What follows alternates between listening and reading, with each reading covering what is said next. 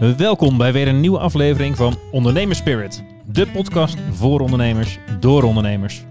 Ook te volgen op Instagram en LinkedIn, dus volg en like ons op die kanalen. En natuurlijk via je favoriete podcast app.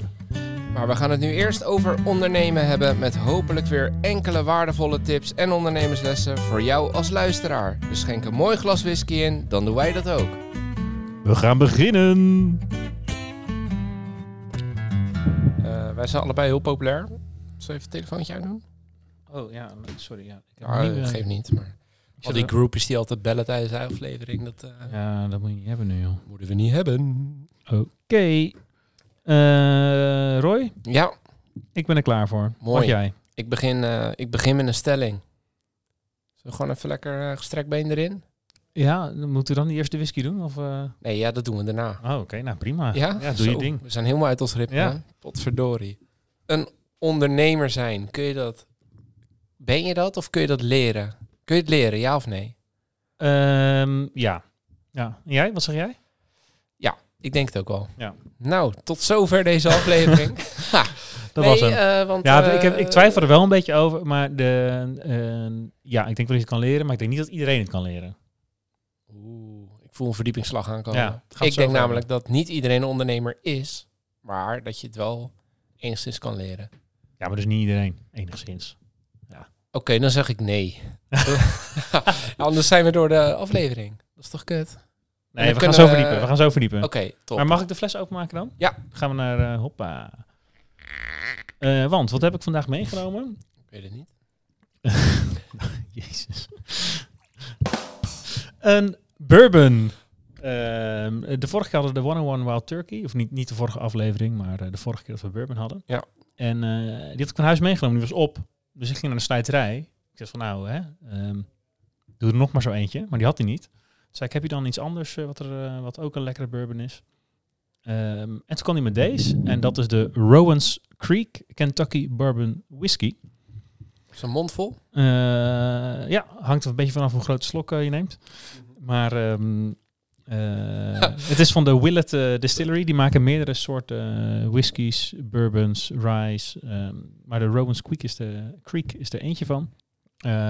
Ik zou zeggen, leuk etiket die er ja, uit, tof. uitziet als handgeschreven. Dat is het niet natuurlijk. Maar hand getekend ja. en geschreven, ja. Ja, dat is het natuurlijk niet. Het is gewoon wel gedrukt. Maar het ziet er wel... Hij valt wel op, zeg maar, um, als je bij de distillerij staat. Of distillerij. Da daar valt hij ook op, denk ik. Ja, daar staat dan enkel heel veel van. slijterij. Uh, slijterij, dank je. Um, we gaan natuurlijk even ruiken. Ik zag jij dat ja. al een beetje, een beetje doen. Naast de vanille, ruik je nog wat anders? Nou, ja, vanille zeker, maar ik heb echt enorme zin om een slok te nemen. Ik vind hem echt onwijs lekker ruiken. Ja, hij ruikt echt heel goed, ja. Helemaal niet scherp. Nou, neem jij even een slok. Dan vertel ik nog even dat dit uh, wel ook weer een uh, 101 proof is. Of uh, ja, dus iets meer dan 50% uh, alcohol. Dus het is niet heel laag in de alcohols. En hij ruikt ja, lekker zoet. Sowieso vanille, ook wel een beetje karamelachtig, zou ja, ik zeggen. bruine suiker, bastardsuiker. Ja. Komt het ook in de smaak terug? Neem ik ondertussen een slok. De vanille wel. ik wou weer zeggen, sinaasappel. ja. Van de nog even teruggeluisterd. Ja, ik, ik heb weer gelachen. um, hoge viscositeit. Lekker. Ja, beetje... Maar... Um, klein beetje droog ook in de afdronk ja, wel. Een beetje droog fruit. Gedroogd fruit. Ja. ja je keek echt naar je boekje alsof daar het antwoord stond. Nee. nee, staat, stond het er maar. Ja, maar... Um, ja, lekker wel. Oh, we hebben ja. de kleur niet gedaan, nee. hè? Koper, bruin goud. Ja, redelijk uh, richting de donker, donkere palet. Maar um, zeg erg lekker. Ik, uiteindelijk, ja, ik weet niet. Ook wel een beetje um, kruidig achtig een beetje op het eind als je hem... Uh, maar ik heb dit etiket echt nog... Ja, één keer heb ik hem gezien. Toen een keer, je hebt een keer een foto gestuurd volgens mij hiervan. Uh, ja, en toen we op het Whisky Tasting Festival waren in Utrecht... toen uh, had uh, Van Wezen ook bij zijn stand staan. Ja, oké. Okay. toen hebben we daar nog even kort met hem over gehad. Ja, maar niet gedronken volgens mij. Niet gedronken, nee, nee, nee, nee. want toen dronken we een andere. Ik weet alleen Van, niet meer welke we eh, toen dronken. 70 miljoen procent of zo. Zo, Ja. die was zwaar. 68 of zo? Ja, die, was, ja, die zat wel hoog in de alcohol, ja. Ja. Nee, ik, ehm, Nice. ik heb hem nog nooit gezien, maar ik vind hem lekker. Ah, mooi. Dan, Zal ik een eh, brugje maken? Misschien schenk ik hem zo nog even bij dan. Maak ik ben namelijk benieuwd of, eh, of, of Cheert deze ook heeft. Want Cheert heeft ons een, een mail gestuurd. nee, ja, dat, eh, daar Ja, kan ik niks aan doen. Eh, Nee, maar ik dacht, wie is Cheert? ja, nee, oké, Cheert die ja. heeft een kroeg. Ja. En eh, die vroeg zich af. Ja, hij is nu ondernemer. En hij had al het gevoel van ja, ik, ik heb nooit het gevoel dat ik ondernemer was. Hij is eigenlijk ingerold, tweede generatie. En hij vroeg zich eigenlijk af of, of wij vinden of je nou een ondernemer kan. Of je dat nou echt moet zijn. Of, of dat je dan ook, als je het niet bent, dat je gelijk af bent. Of dat je het dan nog kan leren. Oh ja. Dus ik dacht nou, Tip 1, ik zou sowieso niet te veel aantrekken van wat wij vinden. nee, nee, dat is tip 1. dat is tip 1. tip 2 is neem eh, deze Creek eh Bourbony collectie op, eh Ja. Cheert. Dan komen wij zeker een keertje langs. Ja, ik weet, hij heeft er alleen niet bij gezegd waar hij die kroeg heeft. Oh, nou ja, dan moeten we hem nog gaan vragen dan. Ja. Ehm, ja, kan je te- ja, ik denk dus wel dat je heel veel basisdingen kan leren. Maar ik denk ook dat het een... ehm, dit weekend was ik met een, een grote groep vrienden weg. Van, eh, van de studie nog. En ehm, daar was op een gegeven moment een gesprek waar iemand die eh, ondernemer was, die zei mijn... eh, een van mijn medewerkers die heeft dus allemaal ja, gezondheidsissues en die komt niet. En als die weer terugkomt, dan gaat het altijd weer minder. Nou, ja, dat gaat moeizaam het proces. Ja. En die zei van ja, die heeft in al die tijd dat dit proces nu voorsleept nooit eens gevraagd hoe we het intussen nou hebben opgelost, zijn werk.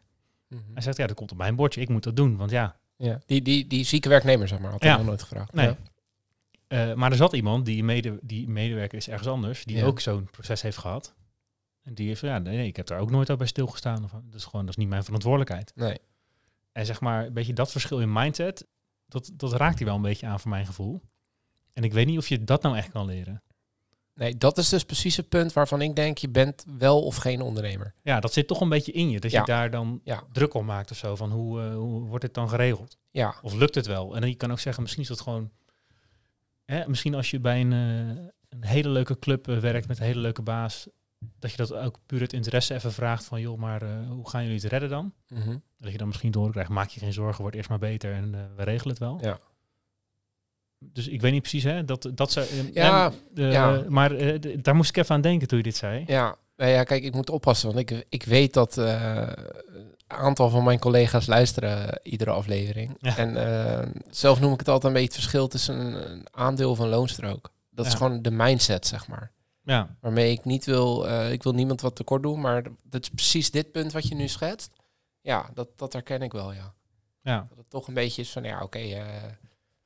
En dat, eh, eh, maar niet zozeer bij ziekte, maar ook gewoon met, met, met eh, verder denken dan waar, waar we nu met z'n allen staan. Of hè, waar staan we over drie of vijf jaar. Of ja, Ja. weet je, op dat niveau ook. Dus het is niet alleen met, met ziek zijn, zo bedoel ik het niet. Nee. Maar ik moet zeggen, ik heb ook wel eens mensen horen zeggen in loondienst die zich hier ook druk over maken. Van ik zit bij een bedrijf, maar ik zie, weet niet zo goed waar het heen gaat over drie of vijf jaar. Want die eigenaren die delen dat niet. Of die hebben die visie helemaal niet. Nee, maar zijn dat dan ondernemers? Ja, weet ik, maar die hebben misschien wel een ondernemende mindset. Daar kunnen we misschien ook een keer over hebben. Zeg maar, de, Ja. worden dan geloof ik de intrapreneurs genoemd. Dus eigenlijk de, de intrapreneur. intrapreneurs, dan ben je eigenlijk ondernemer binnen een bedrijf. Oké, maar dan ben je ondernemend. Ja, precies. Dan ben je Ja, onderne- ja, ja, ja, dus in gewoon. Nederlands zou je zeggen, dan ben je ondernemend. Technische aflevering wordt dit. Ja. Maar eh, hè, in het Engels zeg je, je bent entrepreneur als je een ondernemer bent. Ja. Ehm, en eh, ja, in de, volgens mij de ondernemerschapsliteratuur maken ze daar dan van ondernemende mensen binnen een groot bedrijf. Die noemen ze dan intrapreneurs. Oké. Ja, En die, zijn natuurlijk ook, en die hebben, die hebben denk ik wel echt die ondernemende mindset, maar Mhm. die, ik weet niet, die, eh, die hebben of nooit het goede idee gehad, of nooit de sprong durven wagen, want eh, ik weet niet, eh, voordat je een idee had, dan zit je opeens al vast in een hypotheek en dan is het toch Ja. wat lastiger om te starten. Ja, dat is ook wel een beetje natuurlijk wat we altijd aan onze gasten vragen. Van joh, wat vind je nu de belangrijkste eigenschap van een ondernemer? Hij kwam wel vaak voorbij, is gewoon, gewoon doen. En dat is Ja. een beetje die, die, die sprongwagen, zeg maar. Dat mensen dat toch Ja, spannend vinden. ik zie het ook vaak, eh, ik heb het wel vaker gezegd, dat ik eh, eens in een maand eh, coach ik dan bij, een, bij Utrecht Inc. een programma met eh ehm, eh, wetenschapps-startups. ja, daar komt het ook vaak terug. Dat, er, hè, dat is- ook een beetje wetenschapper eigen, denk ik. Dat je het heel graag wil blijven dooranalyseren. Hoe het nou allemaal precies werkt. Ja, Terwijl ja, als je gaat ondernemen, dan moet je soms maar gewoon van... Ja, we, hebben, we, we denken dat we ongeveer de helft van de informatie hebben. Ja, eh, let's go. ja. We gaan gewoon. Ja, die, want je gaat nooit op die 100% komen. Nee. Of- En dat moet je misschien ook niet willen. Want nee, dat- maar er is altijd wel wat extra's nog uit te zoeken. Dus zeg maar, je moet op een gegeven moment moet je gewoon eh, maar beginnen. En dan eh, ja, hopen dat het goed valt. Of dat je de juiste mensen kent die je dan misschien kunnen helpen op het juiste moment. Ja, maar ik denk ook dat je dan... dat is dan denk ik ook wel iets wat gewoon echt in je moet zitten... wat je niet zo... wat je niet kan leren. Ik denk dat heel veel van het ondernemer zijn... Kijk, ik ben ook nu een hele andere ondernemer... dan dat ik was toen ik, toen ik net begon. Maar het op je bek durven gaan en ja, boeien, we gaan er gewoon voor. Dat is dat stukje, dat, dat kan je niet leren, denk ik. Dat moet gewoon in je zitten. Als het niet in je zit... Nou, weet niet. Zeg maar, al die incubatorprogramma's en die accelerators, et cetera, die zitten volgens mij vaak hierop. Zeg maar, eh, dat ze nog net niet hun start-ups naar buiten trappen. En soms eh, bijna tegen het letterlijke aan wel. Van oké, eh, de waarheid is niet binnen te vinden, maar buiten. Ja, Dus Go. je komt pas terug in je kantoor als je 50 klanten hebt gesproken. ja. En, en dan word je gewoon gedwongen. Mhm. Maar daarmee kom je wel in een bepaalde mindset. En dan kan je dat denk ik ju- juist best wel aanleren. Ja. Ja. Maar dan heb je wel al zelf opgegeven voor zo'n programma natuurlijk. En Ja. eh, hè, dan heb je al wel een stap gezet. Ja. Maar de, Ja, want dat, ja, je moet als ondernemer ook wel durven leren van anderen. Je moet eigenwijs zijn. Vind ik tenminste. Nou, Ja. dat, ben ik op zich ook wel. Dat zal eh, door menigeen eh, beaamd worden. maar dat, dat heb je ook wel een beetje nodig, denk ik. En dan vooral tegen de... Ik wel de mooiste succesverhalen van ondernemingen. eh, van ondernemers vind ik altijd als je dan eh, de eerste 70 pagina's van zo'n boek leest. Van ja, iedereen vond echt dat ik compleet als een idioot bezig was. ja, En dan in die end is het super. En natuurlijk, hè, de, degene die om mislukken gaan geen boek schrijven. Op eentje na, en die heb ik nog steeds niet in de podcast, maar dat wil ik wel. Ja. De rampenondernemer. Oh ja, nee, maar er zijn er wel meerdere. Dat, eh, eh, er zijn wel meerdere mensen. Die daar wel een boek Ja. over schrijven dan. Ja, Ja. dat zijn juist wel fascinerende boeken, vind ik. Want die de boeken waar jij refereert, dat zijn volgens ja, zijn vaak ook een beetje overgeromantiseerde van eh, kijk eens hoe geweldig ik ben. Vooral van die Amerikanen. Een, ze hebben een, ja, ze hebben wel een Amerikaans jasje aan, ja. ja. Terwijl die mensen hebben ook heus wel problemen gehad. Hè? En, eh, Zelfs als Trump, de self-made man die eh 10 miljoen eh, Ja. startkapitaal van papa kreeg. ja, en dat allemaal kapot maakt, maar alsnog op de een of andere manier te boek staat als een goede ondernemer. Terwijl die meer Nou, kapot heeft gemaakt dan... ja. Hè, als, nu heb ik nog niet eens over zijn tijd als president. Maar gewoon nee, als... maar als ondernemer ook. Ja. In dat boek ook, er komen voorbeelden voor dat je echt denkt, hoe kan je het doen? ja. Ja. Maar ook, was dat nou Simon in de aflevering met Chainable, die het voorbeeld van Jeff Bezos gaf? Dat die ook wordt gepresenteerd als self-made man, Ja, maar dat hij wel eh, anderhalve ton van zijn pa meekreeg of zo om te starten. Ja. Ja. Dat is ook niet iedereen gegund. Nou ja, en niet iedereen die anderhalve ton krijgt, eh, kan er zo'n bedrijf van maken als hij meteen heeft. hè, Nee, dus- dat is ook zo. Dat is ook maar zo. het is wel makkelijker dan beginnen met niks natuurlijk. Nou, eens. Ken jij... Stoot je nou je hoofd tegen de microfoon? oh man, Zo. het Gaat echt hard, een hele goede aflevering. Gaat die dit. hard, die whisky. Ken jij professor van de Born? Van de Universiteit van Tilburg? Ja. Echt? Ja, Oh, ik kende hem niet, maar ik heb hier wel wat tekst over hem. ja, nee, heel Ken goed. jij hem echt? Ja, ik heb volgens mij zelfs een keer met hem eh, een afspraak met hem gehad. Hou op. En eh, volgens mij is hij nu eh, hier in Utrecht betrokken bij de regionale ontwikkelingsmaatschappij. Als ik me niet vergis. Als ik me wel vergis, bij deze mijn excuses. neemt in de zeik, hè? Of niet? Nee, echt niet. Echt niet? Oké, nou ja, we hebben dit enorm goed voor, voorbereid. En, maar die zat dus bij het eh, RTL Z-programma Money Talks. En toen had hij een onderzoek gedaan naar de 14 eigenschappen die, eh, nou, eigenlijk succesfactoren voor wanneer je een goede ondernemer bent. Oké. Die had eigenlijk geroepen, niet iedereen kan even succesvol worden, maar veel mensen kunnen wel succesvol ondernemer worden. En daarin luister je eigenlijk al een beetje van, ja, het zit niet bij iedereen erin, maar je kan een hoop leren. En nou, daar lees ik eigenlijk wel een aantal dingen terug die wij nu ook eh, een beetje besproken hebben. Maar Nou, dat is fijn. Daar hebben we toch eh, wel een beetje verstand van. Nee, maar het komt er wel een beetje op neer dat je moet, moet dat je ook moet durven te falen, zeg maar. Dat het niet per se erg is. Ja. En dat ontbreekt denk ik heel veel mensen in beginsel. En daarom denk ik, ik kan wel een, ik kan wel ondernemen leren, maar ja, ik weet niet, een echte ondernemer is wel een beetje. Ik moet altijd denken aan die opmerking die Rick toen, eh, toen gaf van, eh van Annie Meister. Is een kapmes. eh. Ja, maar ook dat hij zei van, ja, even heel lullig bedoeld, maar niet jezelf voor zoveel uur vuren en dan ben je geen ondernemer. Maar hij had het echt over ondernemers die gewoon de wijde wereld in gingen, nieuwe dingen, eh, impact maken in een, in een andere markt. Of, of, of hè, wat, wat, wat Simon doet met, met, met Chainable, een bestaande markt eh, compleet ontwrichten met een nieuw idee. Ja, zo zie ik ondernemers zeg maar ook. Ja. Ja, en dan moet je wel op je bek durven gaan. Dat kan je denk ik niet leren. Dan moet je toch een bepaalde mindset hebben die... ehm, ja, een soort scheid van we zien wel waar het schip strandt. Ja, en ik nou, kan me niet voorstellen dit, dat je dat eh, kan leren.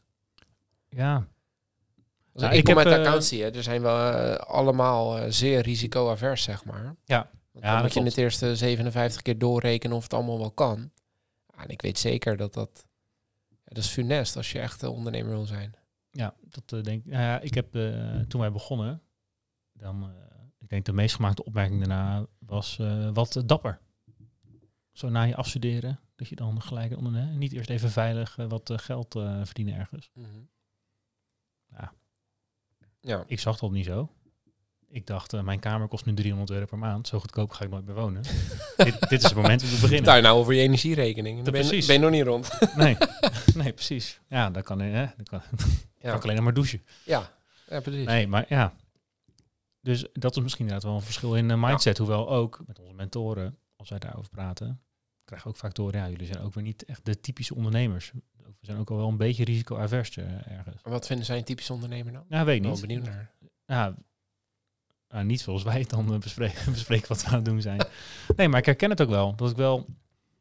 Ik eh, ga niet zonder over na te denken, bam, let's go. Nee, Ik wil wel een beetje gevoel hebben van dit Ja, kan nee. wel tuurlijk. werken. En dat verschilt natuurlijk per persoon hoe, eh hoeveel Ja. veiligheid je nodig hebt voor je idee. Nee, ja, tuurlijk. Maar er, er is een verschil tussen eh, er niet over nadenken en tot in den treuren volledig uitkristalliseren dat eigenlijk alles al voorgedefinieerd is. Ja. Want dan ben je, nou ja, dat, dat Ja. vind ik een beetje te, zeg maar. Ja, maar als je echt niet van risico's houdt, dan ga je natuurlijk niet snel leren om risico's te omarmen, denk ik. Nee, Zo, er wordt hier even...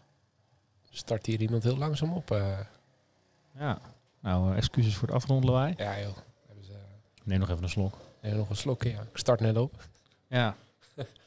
maar ja, dat leren vind ik dus wel lastig. Want je hebt zoveel... hè, je hebt ook allemaal eh, ondernemerschaps... eh, bachelors, masters, Ja, eh, minors, om dat allemaal te leren. En dan denk ik altijd van, ja... wat zou je daar nou in leren? Want voor mij is de basis risico durven nemen. Goed kunnen communiceren, netwerken. Nou, dat, dat kan je wel leren. En gewoon kaart werken, toch? Ja, maar er zijn ook mensen die... Even los van alle... Maar dat vind ik ook, dat netwerken leren. Ik weet niet hoor. Er zijn mensen die zijn eh al twintig jaar ondernemer en dan, dan praat je met ze en dan kunnen ze je nog niet aankijken. Nee, eens. Ik zeg ook niet dat iedereen... Maar dat is wel een, een, een, een, een skillset, zeg maar. Ja. Ja, die Maar- kan je wel verbeteren. Ja, ja, je kan, ja zoals elke skillset, je kan het natuurlijk verbeteren. Ja, maar echt risico durven nemen... En, en kaart werken, dat, dat moet in je zitten. Ja, maar je kan wel leren, je kan wel aanleren, denk ik, om risico's op een andere manier in te schatten. Ja. Je kan natuurlijk zeggen, eh, eh, je kan het risico formuleren als alleen maar kaarten cash, maar je kan risico ook formuleren misschien als gemiste kans op een mooie ervaring om te kijken hoe het is om iets op te bouwen. Ja, toch? Dus je kan die, als je de definitie gaat oprekken, dat, je kan wel leren om op een andere manier naar te kijken, denk ik. ja, dat is waar. Vind je dat een... eh, dat vond ik namelijk een van die, van die punten die eruit kwam. Vind je dat een ondernemer altijd aardig moet zijn? Altijd aardig. Ja? Eh, ik denk wel dat je dan meer gedaan krijgt, maar ik denk niet dat het altijd hoeft. Ik ga heel veel het raam dicht doen dus hoor. Ja. En die bronvliegen hier binnen, die eh vol. Wat Zo, dat is beter. niks meer aan doen. Niks meer aan doen. Nou, welkom. Eh, we hadden het. ja. Je hebt niks gehoord net, omdat op de achtergrond worden er, ik weet niet wat ze aan het doen zijn. Ehm, wat zei je nou net? Of je aardig moet zijn. Oh, aardig zijn. Als, ja. eh, als, als CEO, zeg maar, als, als ondernemer. Die kwam hier heel duidelijk naar voren als een van de speerpunten dat het absoluut niet moet. oh, niet moet. Oh, Nee. ik zou eerder juist neigen naar wel. Ja, Ja, nee, die zei je moet niet aardig zijn, je moet gewoon op het juiste moment keihard zijn. oké, op het juiste moment kan je hard zijn, maar ik denk dat je, als je een sympathiek persoon bent, krijg je meer voor elkaar. Bij personeel, Ja. bij partners. Dus Ja. zeg maar, dat, ik, ik zou zeggen dat moet juist eerder wel zijn. Ja, nee ja, daarom viel die mij ook op. Ja. Ik denk ook van wel. Sterker nog, ik heb heel veel moeite met heel hard zijn. Dat, ik, ik, ik kan dat niet zo goed, zeg maar. Daardoor Nee. snij ik mezelf wel eens in de vingers, maar dat hoeft in die end niet altijd de slechtste... eh, Nou, we zitten dus eh, sinds we eh, deze op podcast opnemen wel eens bij elkaar op kantoor. Hoor ik jou soms wel uitspraken doen als ik ben daar helemaal klaar mee, dat, eh, de, de- de- dat ga ik niet meer doen. Dat, ja, nee, ja, toch? eens. Ik weet niet hoe je dat dan communiceert naar die persoon waar het dan over gaat. Ja, nou ja, net, eh, net, net nog. Dus Ja. die ga ik morgen bellen. dus Ja. die heb ik gisteren gebeld. Want deze komt natuurlijk vrijdag... eh, nee, ja, vrijdag online. Ja, Ja, nou, dus we, niet we hoeven niet alle aanwijzingen te geven dat mensen kunnen bepalen wie het is. Daar gaat het niet om. Maar meer- Maar, joh. Ja. Ja, je had ook een kroeg, toch? Ja, ja. Ja, net overgenomen van Cheert, want die was gewoon ondernemer. Ja. Nee, maar hè, dat... eh, ik weet niet. Ik denk dat je soms ook harder voor jezelf bent. Niet per se op jou, maar veel mensen die ondernemen. Dat je kritisch op jezelf bent dan, eh, dan anderen. Ja. Nee, maar hard vind ik ook wel in dat je gewoon... Lomp, jij bedoelt lomp. Nee, ja, nou, dat ben ik wel eens. Maar dat je heel, heel zuiver en, en hard stelt van joh, tot hier en niet verder. En dat kan Ja. Naar een personeelslid zijn, dat kan naar een klant zijn. Dat het kan ook zijn in eh, dat je een goed idee hebt, dat ga je doorontwikkelen. Uiteindelijk denk je, eh, misschien wordt het hem toch niet. Maar dan de stekker eruit, gewoon radicaal. Ja. daar heb je toch zoveel uren in gestopt. Dan heb ik best wel de neiging om daar toch iets te lang mee door te gaan te kijken of er toch ja, nog ja, niet die, iets van eh, een Die neiging herken ik wel. ja, dus Ja. Ik, ik, ik herkende niet van dat je gewoon per definitie niet hard moet zijn. Die herkende ik niet. Er gebeurt hier van alles, jongens. Ja. Eh, het Ja. ligt wel uit. Ja, Ja, maar het maakt niet uit. Aangezien de, de stroom- en energieprijzen snap ik hem. Ja, inderdaad. Eh, staat er nog meer interessant? Want Je had er 14, we hebben er nu twee of drie gehad. Ja, maar er staan ook eh, hard werken. Ja, Ja, maar Nee. dat vind ik eerlijk gezegd eh, niet alleen een beetje flauw, maar eigenlijk ook een beetje, eh, ja, ik weet niet. Ik weet niet of hij dat bedoelt, of hoe het uitgelegd staat, maar de... het, Oh, is, dat ga je voorlezen, ja. het is misschien saai, maar het is gewoon waar. Ondernemerschap is harder werken dan werken op het zachte kussen van loondienst. Ja, Bullshit. Ja, denk ik ook. Dit wordt altijd gezegd en het neigt een beetje naar die eh, soort van eh, populistische shit over als je maar hard genoeg werkt, dan kan je alles bereiken wat je wil. Ja, Ja. gelul. Nou, eens. Kan gewoon niet. Nee, eens. Ik vind En- echt, ik ken mensen in loondienst die knetter hard werken en dat ik denk zo, Ja, dat moet je voor jezelf gaan doen, dan ga je veel verdienen. En ik ken ondernemers die denken zo, jij bent lui, maar je hebt het wel goed voor elkaar. Ja, Dus ik vind, ik vind deze vind ik onzin. ja. En dat is ook. eh, ja. Hij, hij was hier in Utrecht, hè? Die professor. nou, ik, ja, We gaan even buurten. Ik heb het even opgezocht. Hij is inderdaad ook eh, aan de ROM verbonden, de regionale ontwikkelingsmaatschappij Utrecht. Oké. Deze vind ik ook heel spannend. Intelligentie is belangrijk. Ja, en hoe eh, meten we dan intelligentie? Ik bedoel, er zijn eh, zat eh, ondernemers die geen universitaire graad hebben, toch? Ik, ik weet niet wat dan de maat is voor intelligent zijn. Ja, dat weet ik ook niet. Het lijkt mij dat je, en dat koppel ik altijd met, met eh, work hard, dat vind ik al work smart. Je moet, het is niet per definitie zo als je er, en daar ben ik zelf echt wel het voorbeeld van geweest in periodes dat het, eh, eh, dat het echt even aanpoten was bij ons ook. Het is niet zo dat ieder uur wat je er extra in stopt ook meer oplevert. Dat, dat is Nee. gewoon niet waar. Je kan het ook anders gaan inrichten, waardoor je aan de voorkant dingen tackelt. En dat kost je misschien een uur, maar dan levert drie uur op. Ja. In plaats van dat je de drie uur in stand, maar dat je eigenlijk het initiële probleem nog houdt. Ja, en dat vind ik hier ook met... met En de ja, klassieke eh, 80-20 regel, toch? Ik bedoel, met Zeker. 20% van de tijd is het eh, is 80% af, of heb je de 80% van de kwaliteit. Zeker. En een 8 is eh, heel vaak. en daar eh, gaan al die extra uren vaak, eh, Ja. vaak in zitten. Ja. Maar ja, intelligentie. eh, ja, je, je moet slim zijn, maar dat zie ik dan als dingen efficiënter maken. eh, Ja, boerenslimheid zou je ook kunnen zeggen, toch? Dan ben ik het wel mee eens. Eens, maar het kan natuurlijk ook zijn gat in de markt zien. Ja. Want heel eerlijk, ik vind echt alle meest grote platforms, Funda, eh, de- hoe heet dat, ehm, thuisbezorgd, Airbnb, ja, het is zo simpel. Het is alleen maar gebaseerd op, hé, er is een vraag, kom, we gaan het aanbod bij elkaar brengen. Ja, Gewoon geniaal. ja. Slim organiseren daarvan Ja, eigenlijk. nee, ja, precies. Maar dat, dat vind ik wel een stukje gewoon zien wat er om je heen gebeurt. En dat vind ik dan intelligentie. Maar koppel dat dan niet aan eh, zeven diploma's op een universiteit hebben of zo. Ja, ik denk als we het net hebben over het risico nemen, of dat lef, dat het is dat je ziet hoe iets efficiënter kan. En dat je niet gaat wachten hoe een ander gaat oplossen. Toch? Hè? De Nee. klassieke consultant die Ja. laat zich inhuren en die zegt gewoon je moet het zo doen, dan wordt het goed. En dan hopen ze natuurlijk dat ze daarna nog een keer ingehuurd worden. Want dan kunnen ze weer zeggen van ja, je hebt niet goed geluisterd. Ik ga het nog weer onderzoeken. En een beetje, Ja. een beetje cynisch, maar wel waar. Ja, nee, ja, eens. Zeker eens. Maar ik denk Ja. een ondernemer die zegt van oh, ik zie dat het misgaat, dat kan beter. Maar die doet er ook gelijk wat mee. Ja, ik ga er wat proberen aan te Ja. doen. En dan mag Ja. je dan natuurlijk ook voor, eh, voor beloond worden als Ja. je dat. eh hoe kan zeggen ze dat? Ze zeggen toch een beetje, een beetje, be- beetje, beetje horny zijn, zeg maar, voor de opportunity. Beetje, ja, hoe- ja, het is een beetje geil zijn. Ik vind dat wel een beetje een rare term. Wij zeggen meer eager. Ja, Eager. Ik denk dat dat de beste term is. Dat je gewoon dingen ziet, maar dat je dus ook wel qua mindset zeg maar open staat voor als die dingen voorkomen, dat je er gelijk op inspeelt. ja, een beetje spits, een beetje geld voor het doel. Dankjewel. Maar dan Dankjewel. Ja. Nou, in, Engels, in Engeland noemen ze dat horny. Ja, nee, ja, ja zeker. Nou, ja, daar heb ik trouwens nog wel een leuke anekdote over. Maar dat heeft geen reet met onder. Ja, wel, het was een klant, maar dat heeft niet met of geen goede ondernemer. Die, eh, hij, hij zei wat. Ik ga het wel vertellen. Ja, hij reed een tunnel binnen. ja. Ja, dus hij ging haperen. Dus hij had blijkbaar iets tofs te vertellen. Dat nieuwe klant, nieuw product, weet ik. Ik weet niet precies meer, maar het was in ieder geval booming voor zijn business. Dus hij reed half die tunnel uit. Dus op dat moment zeg ik, joh, hoor niet wat je zegt. Dus zij, zij zegt, ah, dat is ook een beetje overdreven, maar ik zie wel een kans. Ik zeg, wat bedoel je? Hij zegt, ja, hoor niet. Dat is niet helemaal waar. maar hij had het niet helemaal door eh, dat ik gewoon zei, ik hoor niet wat je zegt. Nou, kut anekdote. ja, je praat gewoon onduidelijk. Ja. Beetje binnensmonds. Je moet goed kunnen communiceren als eh, ondernemer. Staat hier ook. Ja, anders hoor je het niet. Ja, nee, maar verder vind ik het een beetje WK open deuren. Ondernemerschap is topsport. Eh, ja. ja, dat lezen we ook in heel veel columns. Klopt. Je moet niet eh, te angstig zijn. Oh, dit is een hele goeie. Zorg voor geld. Zullen we daarmee eindigen? Ja.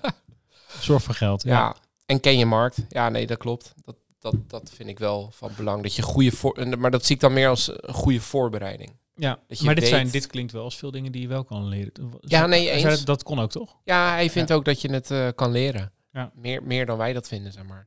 Ja. Maar ik vind het belangrijkste dat je eh, niet te angstig moet zijn en dat je gewoon op je bek moet durven gaan. En dus een beetje eh, eager moet zijn op kansen die zich voor gaan doen. Ja. dat vind ik wel de drie belangrijkste eigenschappen van een ondernemer. Ja. En persoonlijk vind ik niet dat je dat kan leren. Dat heb Nee. je of dat heb je niet. Ja, en ik denk wel dat je de mindset een beetje kan leren. Maar Ja, ja. Goed, ik heb Ja. ook, eh, laat ik het zo zeggen, ik heb wel eens een eh, keuzevak ondernemerschap gevolgd op de universiteit. En eh, die heb ik niet afgemaakt. ja, toen dacht ik, wat ben ik hier in godsnaam aan het leren? Oh, echt? Ja, ik moest allemaal saaie papers lezen. Dat ik, Ja. ja. dat zeg maar, daarvoor ga ik niet het vak volgen. Nee. Ik dacht, ah, de universiteit moet je al genoeg saaie papers lezen. Ja, nee, eens. Maar je wil gewoon iemand hebben die met zijn voet in de klei heeft gestaan. En die jou gewoon gaat vertellen welke, welke ellende die allemaal heeft meegemaakt. En hoe die dat heeft opgelost. En daar leer je van. Ja, of, En wat ik dus dacht eh, gelezen te hebben in de omschrijving van het vak, is eh, je krijgt een achtergrond, maar daarna hè, moet je zelf iets gaan doen. Ja, het proces te ervaren, dat te leren. Ja. En op die manier kan je denk ik wel leren, maar ja, uit boekjes, daar, eh, Ja. nee, dat zou ik zeggen van Nee. niet. Maar ik denk om hem, om hem even rond te maken wat mij betreft. Ik vind ondernemer zijn is wel een ervaringsvak. Zeker. Nou, Dus je dit kan wordt wel ook, echt ik heb dat nu niet, ehm, ja, laten we daarmee eh, eindigen hiervoor. Voordat we natuurlijk naar het eh, sterke verhaal gaan. Ehm, ik heb het hier niet paraat wat het precies is, maar volgens mij zijn de, de, de beste leeftijd om een onderneming te starten, die dus de, wat dus de meest succesvolle ondernemingen worden, die het vaakst overleven, die ook het hardste groeien, et cetera, is dus echt iets van 46 of zoiets.